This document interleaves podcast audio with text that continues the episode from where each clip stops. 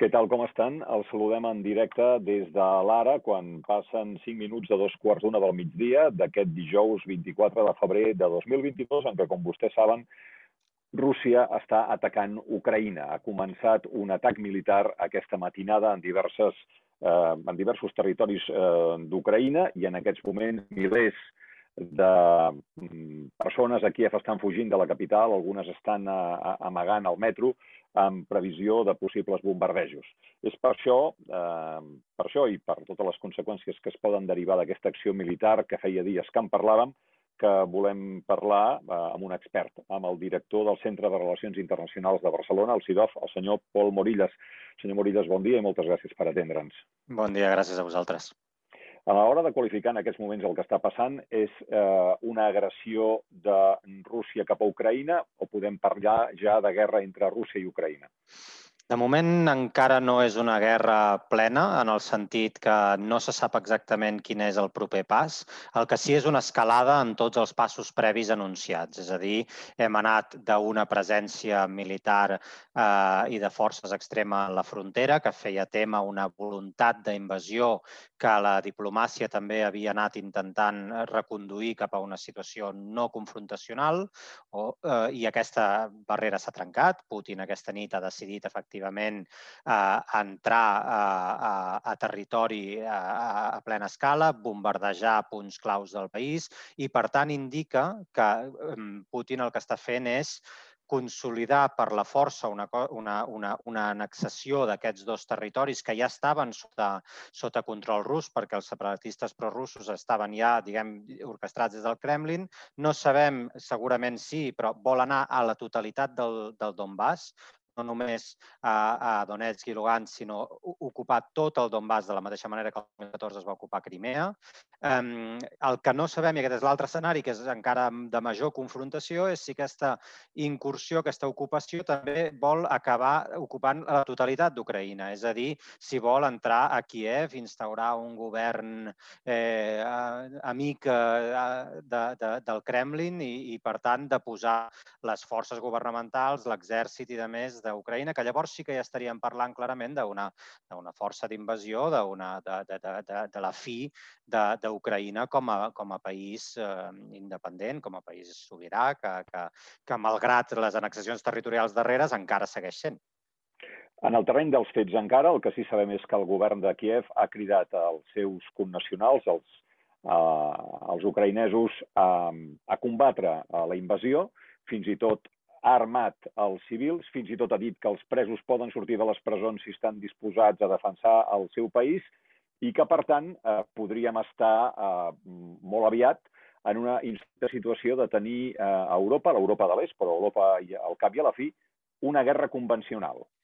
Sí, i això és el que semblava que havíem oblidat a territori europeu per, també per la força de la construcció europea, d'un ordre de, de seguretat europeu que estava basat precisament en dues premisses bàsiques. Una, la, la, la, la integritat territorial dels, dels estats, eh, diguem, d'acord als fets succeïts després de la caiguda de la Unió Soviètica i, per tant, la, la, la, la constitució de nous països, de noves repúbliques, de, nou, de, de nous estats, al cap i a la fi, i que, per tant, aquests estats també eh, asseguraven aquest ordre de, de seguretat europea, però, per l'altra, cooperació a Europa, que és l'altre element fonamental, que en el cas d'Ucraïna havia arribat fins al punt de voler firmar un acord d'associació econòmica en primera instància amb la Unió Europea i que això va desencadenar aquesta política del Kremlin de considerar Ucraïna i altres països de la regió com la seva àrea d'interès vital. Per tant, d'aquesta consolidació d'un ordre cooperatiu i basat en la integritat territorial dels estats,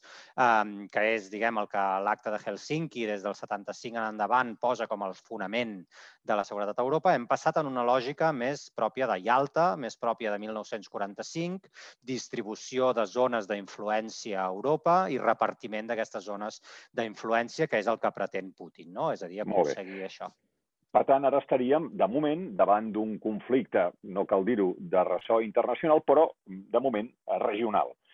Ara eh, estem pendents... I, i perdona, de perdona, i absolutament, eh, diguem, eh, desigual, perquè la força de Rússia no es pot comparar a la força d'Ucraïna. És a dir, la capacitat militar de Rússia, evidentment, és, és infinitament vegades major que la d'Ucraïna. Per això aquest matí, per exemple, fins i tot el cònsul a Barcelona d'Ucraïna demanava a Occident eh, que els ajudés no només amb ajuda humanitària, sinó també amb ajuda militar. I ara anem a això. Fins a quin punt aquest conflicte pot acabar esdevenint eh, un conflicte internacional? Uh, I aquí hem de tenir pendents uh, dues coses que m'agradaria que ens aclarís també, que, que aclarís els, els lectors de l'Ara. Una, uh, per una intervenció de caràcter internacional caldria un, un acord a les Nacions Unides. I això sabem que és impossible perquè el Consell de Seguretat, Rússia n'és membre, a més a més ara em sembla que l'està presidint, i uh, també n'és membre i amb tota seguretat batarien uh, aquesta intervenció militar. I després hi ha la possibilitat que ho faci l'OTAN, Eh, saben vostès que quan un país eh, és membre de l'OTAN serà automàticament defensat pels altres si és agredit. Però en aquests moments Ucraïna no és encara membre de l'OTAN. Per tant, eh, diguéssim que aquesta, aquest desplegament de forces no pot ser directe. Això vol dir que en aquests moments, com a molt, el que poden fer els països de l'OTAN és armar Ucraïna però no intervenir-hi i no enfrontar-se a Rússia? Primer, el, fins ara, fins, fins avui, eh, la, les declaracions d'Estats Units, de la Unió Europea en el si de l'OTAN era que no s'entraria en botes sobre el terreny per part dels aliats a Ucraïna, precisament per la constitució d'aquest conflicte, perquè en el fons estem parlant, si tenim el Regne Unit, França, Estats Units i Rússia, de potències nuclears. Per tant, estem parlant d'un conflicte que no és un conflicte menor, sinó que té unes transcendències per la seguretat europea, en primera instància, sobretot per, també per la seguretat internacional, majors, en un moment en què Putin i el Kremlin també intenten un acostament a Xina per contrarrestar el pes d'Occident en l'ordre internacional. És a dir, aquí estem parlant d'un conflicte que a nivell de política internacional és altament escalable i, i, i, i, i perillós eh, eh, en funció de quines siguin les posicions dels, dels, dels diferents eh, dels diferents estats. Segona instància, Consell de Seguretat de Nacions Unides. El Consell de Seguretat de Nacions Unides, de fet, Nacions Unides es crea per garantir la sobirania dels seus estats membres i, per tant, en un procés de eh, normalització de les relacions internacionals basat sobre la premissa de la no ingerència, sobre la premissa de la, la sobirania dels estats i segon, per mantenir la pau. La guerra s'aboleix amb la creació de Nacions Unides com a possibilitat a menys que hi hagi una resolució del Consell de Seguretat de Nacions Unides que ho permeti, o dos, hi hagi una, eh, diguem, dret a la defensa eh, per, per, per, per invasió eh, tercera o per, per causes d'una altra potència internacional o d'un altre estat que invadeixi. Llavors, aquests dos escenaris són els dos escenaris en què la, la guerra és possible. Ara, una resolució del Consell de Seguretat no hi serà no hi serà perquè Rússia, amb poder de veto, evidentment la bateria, no? i a més, com bé dius, presideix ara mateix, motiu de més, i Xina probablement també. Per tant, el, el Consell de Seguretat està bloquejat i d'aquí surt el, el secretari general de Nacions Unides, Guterres, dient això és una catàstrofe humanitària sense precedents, però conscient també del bloqueig que això significa. Respecte a l'OTAN, eh, l'OTAN efectivament no estem parlant d'article 5, article 5 de defensa col·lectiva, que és els membres que un dels membres que sigui atacat, la resta resta de l'aliança ho considerarà un atac contra tots els membres i, per tant, hi ha l'obligació de, defensa, de defensar aquest membre. No és el cas perquè Ucraïna no és membre de l'OTAN. Eh, el que hi ha és ara mateix una mobilització dels països més, eh, que temen més a Rússia i que són membres de l'OTAN, que diuen que efectivament això està començant a ser una amenaça també per a ells mateixos, que no es queda a Ucraïna, sinó que té a veure amb la política del Kremlin. I, per tant, aquí estem en la lògica de l'article 4, més aviat, que és la percepció de l'amenaça. I aquests països estan demanant que davant d'aquesta percepció de l'amenaça l'OTAN sigui més activa. Com sigui més activa? Per exemple, amb l'enviament d'armament eh, i, i capacitats militars a Ucraïna. I això és el que estem veient de les demandes de diferents líders, els bàltics, els països països de l'Europa central i oriental que estan en aquesta línia. Però, en tot cas, estem en una fase prèvia, que és aquesta de reforçament màxim d'Ucraïna. Última qüestió, molt important. Davant d'aquesta escalada d'una guerra, eh, que ja veuríem si és l'escenari, però entre Rússia i Ucraïna hi ha, una des, hi ha un desequilibri de forces molt gran i hi ha una, una capacitat d'Ucraïna relativa de fer front a una beligerància creixent del Kremlin. Però, per tant, l'escenari més, més immediat seria l'OTAN o els països de l'OTAN reforçant militarment Ucraïna. Això és una demanda que està, que està fent Ucraïna en primera instància i que estan fent altres països. Per tant, cal esperar això. Tot i que hi ha molts països de l'OTAN i molts països europeus que veuen amb reticència aquesta escalada. Primer, per la situació que, evidentment, pot generar sobre el terreny d'una guerra oberta una catàstrofe humanitària gairebé sense precedents en la història recent.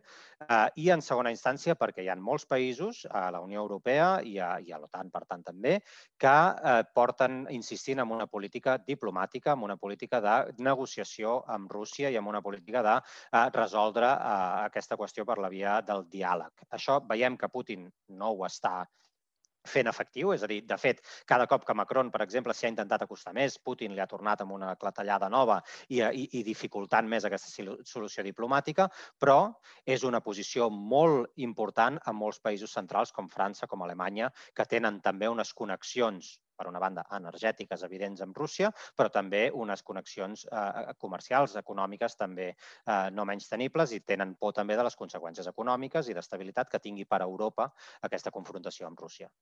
Per tant, semblaria que Putin ha llegit bé el moment i més enllà de la teòrica o no debilitat d'Occident, perquè són difícils d'objectivar i d'avaluar, eh, sí que té un camí relativament obert eh, per agredir a Ucraïna eh, sense tema més enllà de les sancions econòmiques que ara li estan imposant que seran, que seran devastadores per l'economia russa. És a dir, s'està parlant de mesures abans mai considerades com l'expulsió de Rússia del sistema SWIFT de pagaments internacionals, la qual cosa, efectivament, no només té conseqüències per Rússia, també té conseqüències per tots aquells que operen amb Rússia. Eh? I, per tant, té, té una desestabilització molt forta. I, en primera instància, una desestabilització per l'economia russa, que ja és dèbil, que ja té unes deficiències molt clares i unes desigualtats tremendes i, un, i una situació interna complicada. Per tant, Rússia, evidentment, primera víctima d'aquestes sancions, que seran molt fortes i concertades entre americans i, i europeus. Eh, però, però, clar, eh, la, la qüestió és, eh, diguem, si això és suficient. És a dir, si és suficient per aturar l'actitud del Kremlin. I aquí sembla que el Kremlin ha fet una, una lectura del moment, com bé deies al principi. Eh, per què ara? Doncs, en primera instància, perquè en principi els Estats Units estaven virant cap a Àsia el seu interès de la geopolítica mundial i a l'Indo-Pacífic en particular. Per tant, un moviment geopolític que desquadra quadra això perquè el Kremlin vol establir millors relacions amb Pequín, tot i que Pequín està sent molt cautelós amb el posicionament en aquest conflicte perquè la integritat territorial per Pequín i la sobirania és fonamental de la seva política exterior. Tercer, perquè hi ha un nou govern a Alemanya eh, liderat per Scholz i que, per tant, s'està posant en marxa. Té un tripartit que, que tampoc té una posició encara ben definida entre els socis del govern alemany, tot i que li ha sortit malament a Putin perquè Scholz ha sigut molt assertiu amb el Nord Stream 2. Quart, per la dependència energètica enmig de l'hivern eh, i que, per tant, té més capacitat de pressió respecte a la dependència que tenen molts europeus del gas i petroli rus. Um, i, I cinquè, també, per, per, per fer-ne uns quants, d'una guerra de llarg recorregut de ciberatacs, desinformació, que ja fa temps que ve construint, eh, construint el Kremlin. I sisè, ja, si em permets, la finalització dels Jocs Olímpics de, de Pequín, que semblava un moment en què eh, Pequín havia demanat que no es fes res abans de la finalització d'aquests Jocs Olímpics. Val. És evident, per tant, que l'escenari que tenim des d'aquesta matinada és Rússia agredint Ucraïna. Però Rússia el que diu és jo ja fa temps que estic dient que em sento incòmode de tenir tanta OTAN a les meves fronteres eh, occidentals, les repúbliques bàltiques, Polònia, Bulgària. Eh, mm, fa temps que estic dient que no els vull a Ucraïna i el que estic tenint és un acostament cada vegada més gran. No? Aquest matí, entrevistat al País, Josep Borrell, el cap de la diplomàcia europea, diu, i cito textualment, el següent. No dic que els occidentals no hagin perdut ocasions per intentar trobar un millor acomodament amb Rússia. Això no justificaria l'agressió de Putin, però l'explicaria, no? Um, clar, les relacions amb Rússia són molt complexes per motius històrics en primera instància i després per, per, per divisió entre els europeus també en segona instància, perquè hi ha moltes percepcions sobre Rússia i moltes cultures estratègiques dels estats membres respecte a Rússia. Els bàltics és l'amenaça número 1, la tenen a la frontera i estan veient l'augment de confrontació que promou el Kremlin. Per tant, pels bàltics dintre la Unió Europea, això és una línia vermella per altres països com Macron cal diàleg, cal integrar, Macron i anteriorment França en altres moments, eh? cal integrar Rússia en la comunitat internacional, és un actor massa important com per deixar-lo a banda. Recordem que es volia tornar a la, a la lògica del G8, eh? que, que, inclou, que incluïa el G7 més Rússia, i això ho va prometre, ho li va prometre eh, Macron a, a Putin que s'intentaria i ho va intentar defensar, no va sortir, evidentment, també perquè Crimea ho va dificultar, i per tant hi ha una divisió estratègica molt forta dintre de la Unió Europea. Clar, uns ho llegiran com que no s'ha fet suficient per acomodar Rússia, altres ho llegiran com que és que si l'acomodem, mira el que ens passa, és a dir, tindrem un perill a les nostres fronteres efectiu. El que Putin sembla estar fent ara mateix és oblidar de, de les seves reclamacions històriques de que sigui tractada Rússia com una com una potència, eh, diguem, amb qui s'ha de, de tenir unes relacions normals, perquè és que el qui ha fet l'escalada i a qui ha posat 150.000 tropes a la frontera en primera instància i avui ha entrat, efectivament, i ha bombardejat Ucraïna, és Putin. No? I, per tant, la responsabilitat primera està aquí. Fins ara, de fet, les solucions diplomàtiques sempre havien arribat, com en Minsk, que ara són els acords de pau després de Crimea, que estan, que estan evidentment, fora de l'equació, en Minsk s'havia arribat a una solució interpretable. És a dir, donem certa lògica de garantia que, que Ucraïna no entrarà mai a l'OTAN, perquè, de fet, dins de l'OTAN no hi ha consens tampoc perquè entri Ucraïna i això caldria unanimitat a l'OTAN per acceptar aquest nou membre, però deixem les portes obertes per si mai Ucraïna ho demana i ho fa. Llavors, fins ara això garantia una certa, un cert equilibri, una certa qualitat interpretativa dels acords que hi havia respecte a l'OTAN i Ucraïna. Alhora que se sabia que no acabaria entrant mai, això era suficient. Què passa? Que ha canviat el context. Ha canviat el context internacional i ha canviat el context sobre el terreny. I, per tant, aquests acords que s'havien arribat fins ara no semblen a ulls de Putin suficients per eh, garantir aquesta ascendència sobre, sobre el que creu que és el seu espai d'interès vital. No? I aquest altre argument de Putin de dir la desgràcia que tenim és que quan es va establir la URSS van crear unes repúbliques soviètiques, fins i tot amb dret a la independència, van crear Ucraïna, la culpa és de Lenin i dels bolxevics, uh -huh. que ens van crear unes repúbliques que en el fons eh, es van eh, anar a instaurar en territoris on hi havia eh, molts russos i, i, i rusòfons. I, per tant, eh, ara estem recuperant el que de fet és nostre. Que passa és que la, la, la situació d'Ucraïna, de, de, de, de territoris rusòfons, evidentment, a Donetsk i a Lugansk és, és evident, però també la resta d'Ucraïna és molt plural. També tens un ús compartit de les dues llengües, eh, tens, tens, diguem, una, una... el mateix president Zelensky és perfectament flu, no? fluid en, en, en rus. Per tant, aquesta, aquest conflicte és menys etnolingüístic que polític i econòmic. En el fons, aquí es tracta de si a Ucraïna, des del 2014, que va intentar, i amb l'Euromaidan, com l'anomenen a, a Ucraïna, no? eren unes protestes per apropar-se al bloc econòmic de la Unió Europea, firmant un acord d'associació eh, i, i que van intentar ser reprimides fortament, que van acabar amb, la, amb la, el canvi de govern diguem i la fugida de Yanukovych i, per tant, un apropament d'Ucraïna cap, a, cap, a, cap a Europa com a futur econòmic, no? com a futur de desenvolupament, i alhora un, un conflicte polític, no? de, quin, de quin és el soci principal, no? si és Rússia o és, uh, o és Europa. I aquest és el verdader conflicte a la regió, és econòmic i polític, no? menys etnolingüístic. No? Eh, el que sí que està clar és que Putin, també carregant contra la Unió Soviètica, Lenin i, i, i de més, també està fent una lectura molt particular del que és eh, la història de Rússia, diguem, no? I està considerant que hi ha estats que s'han creat que no tenen dret a existir, i un d'aquests és Ucraïna, perquè li nega l'existència. Inclús avui ha dit que si hi ha una escalada del conflicte, ha, eh, serà culpa del que faci el govern d'Ucraïna i el bany de sang serà responsabilitat del govern d'Ucraïna qui no considera legítim. Per tant, hi ha una crítica constant, una reconceptualització eh, gairebé paranoica en, certes, en certa mesura de, de, de la, de, del que és això, aquest somni de la gran Rússia, que, que té poc a veure amb la història mateixa de, de, mm. de la Unió Soviètica i la seva desintegració. Anem acabant. Um, això és una guerra cultural també entre democràcies i autocràcies. Això és Hitler l'any 38 a Txecoslovàquia. Uh, és possible intentar apaivagar uh, Putin com va intentar-ho Chamberlain l'any 38 amb Hitler, o les democràcies estan equivocant si entren en el joc de la diplomàcia i han de ser eh, han de ser dures davant Putin. Es pot establir aquest paral·lelisme històric? Ja sap que sempre que passa alguna cosa eh, mirem de veure si abans ja ha passat, no? allò que la història repeteix. Sí, jo, jo soc reaci a, a contemplar els esdeveniments actuals d'acord al prismes del, del, de, del passat i de la història de, de la humanitat. No? I, i, I per què? Bàsicament perquè les condicions han canviat moltíssim. És a dir, es parlava també de la, o es diu de la nova guerra freda entre Estats Units i la Xina. Ara tornem a reviure la vella guerra freda entre Estats Units i Rússia.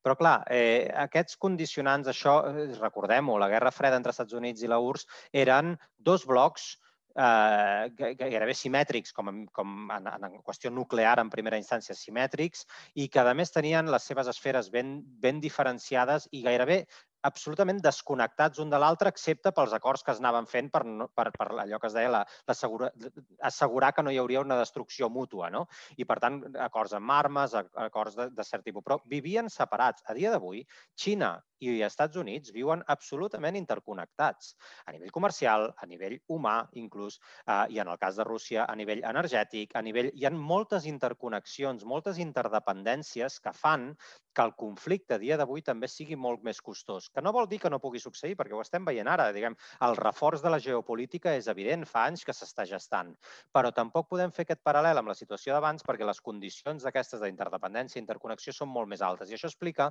per què anem passant de la diplomàcia a la confrontació de manera recurrent, però també explica per què, segons quina concepció de la geopolítica, la concepció que té el Kremlin a dia d'avui de que és una lluita efectiva, doncs acaba a vegades transformant-se en una lluita calenta lenta com la que estem veient ara mateix a Ucraïna. Però els paral·lels són difícils d'establir, jo crec. Però és una guerra contra la democràcia, això? En tot cas, diguem, Ucraïna té molts dèficits democràtics. És evident, és un país que, que, que, que, que té moltes dificultats per actuar com un país normal democràtic, no? perquè ho estem veient ara, té una part del seu territori que no controla. No? Eh, per, tant, per tant, té moltes dificultats. Llavors, clar, eh, la, la confrontació entre autoritarismes i, i democràcies eh, a vegades també es tenyeix en funció dels interessos. No? Les relacions internacionals són valors, no? el que dèiem, democràcies versus autoritarismes i demés, però també són interessos. I, els, i els, els, els establiments de vincles entre autoritarismes i democràcies els hem viscut durant molt de temps, també per part dels Estats Units des de fa molt de temps, eh, i, i, per, i per tant la divisió sempre es pot, eh, es pot... El que sí que hi ha és un reforç de l'autoritarisme, això és evident. I és un reforç de l'autoritarisme en els últims anys. Els països que ja són autoritaris, no? com Xina, com, com Rússia, però també una degradació de la qualitat democràtica a les democràcies consolidades i una regressió del nombre de països que viren cap a la democràcia. Tot això sí que és un element clar de l'escena internacional i, to, i els rànquings ens ho, ens ho demostren, no? com es va degradant la democràcia. I els autoritarismes, evidentment, el que volen és que això continuï la seva tendència. Per què? Perquè explica la seva capacitat de control sobre la seva pròpia població.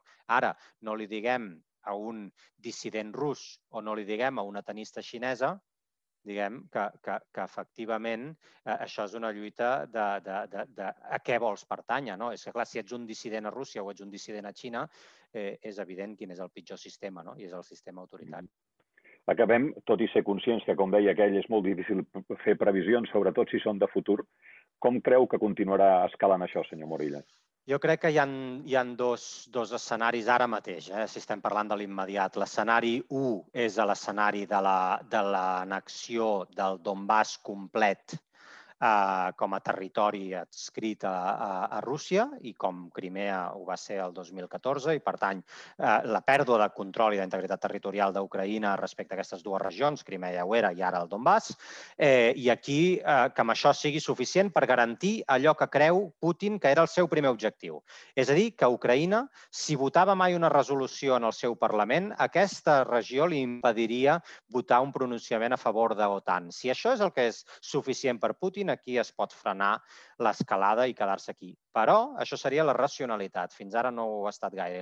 I la irracionalitat, que sembla que és la que està predominant en bona part de les, de les decisions que pren Putin, és la invasió diguem, eh, d'Ucraïna en clau de eh, govern amic i, per tant, derrocament del, del govern i, i de, i de, i de l'exèrcit i, per tant, una invasió més clàssica, si, si, si em permeteu l'expressió. No? I, i, I, per tant, no ho sabem. Poden ser aquestes dues qüestions i, i, i veurem les properes hores, evidentment.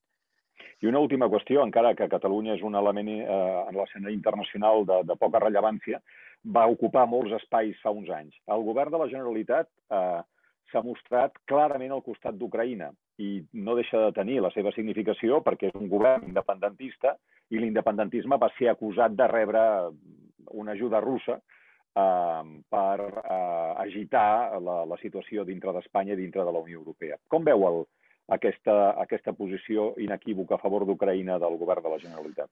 No, el que, el que està clar és que el, el, uh, diguem, el, els, els, els, les situacions són molt diferents. Aquí estem parlant de dos territoris que són ocupats militarment uh, i, per, i a tots els efectes per part, per part de Rússia, són annexats a, a, a Rússia i, per tant, estem en una situació de, de, de, de no preservació de la integritat uh, territorial. No? Uh, I, per tant, això és la primera, la primera gran, gran diferència, diguem, respecte a qualsevol altre conflicte que, que, que, puguem, tenir, que puguem tenir al cap. I aquí el govern de, de Catalunya jo crec que ha fet el que, el, que, el que té sentit, és a dir, que estem parlant del destí dels ucraïnesos, no? i estem parlant de la seva població i que en primera instància el que s'ha de saber és quina és la, la, la, la voluntat de la població d'Ucraïna, que és qui està rebent les conseqüències d'aquest agressionisme del Kremlin. No? I, per tant, jo crec que això té, eh, té sentit. No estem parlant de l'autodeterminació de les regions de, de, de, de Donetsk i Lugansk, sinó que estem parlant de la invasió d'aquestes regions per part de Rússia. Senyor Pobrí, del Centre de Relacions Internacionals de Barcelona, moltíssimes gràcies per les seves explicacions eh, i que naturalment eh, potser algun dia li tornarem a demanar perquè els esdeveniments eh, són fluids, com es diu ara, i per tant ens eh, caldrà molt una lectura d'aquells que més en saben. Gràcies per haver atès la trucada de l'ara aquest matí. Moltíssimes gràcies a vosaltres. Bon dia. Bon dia.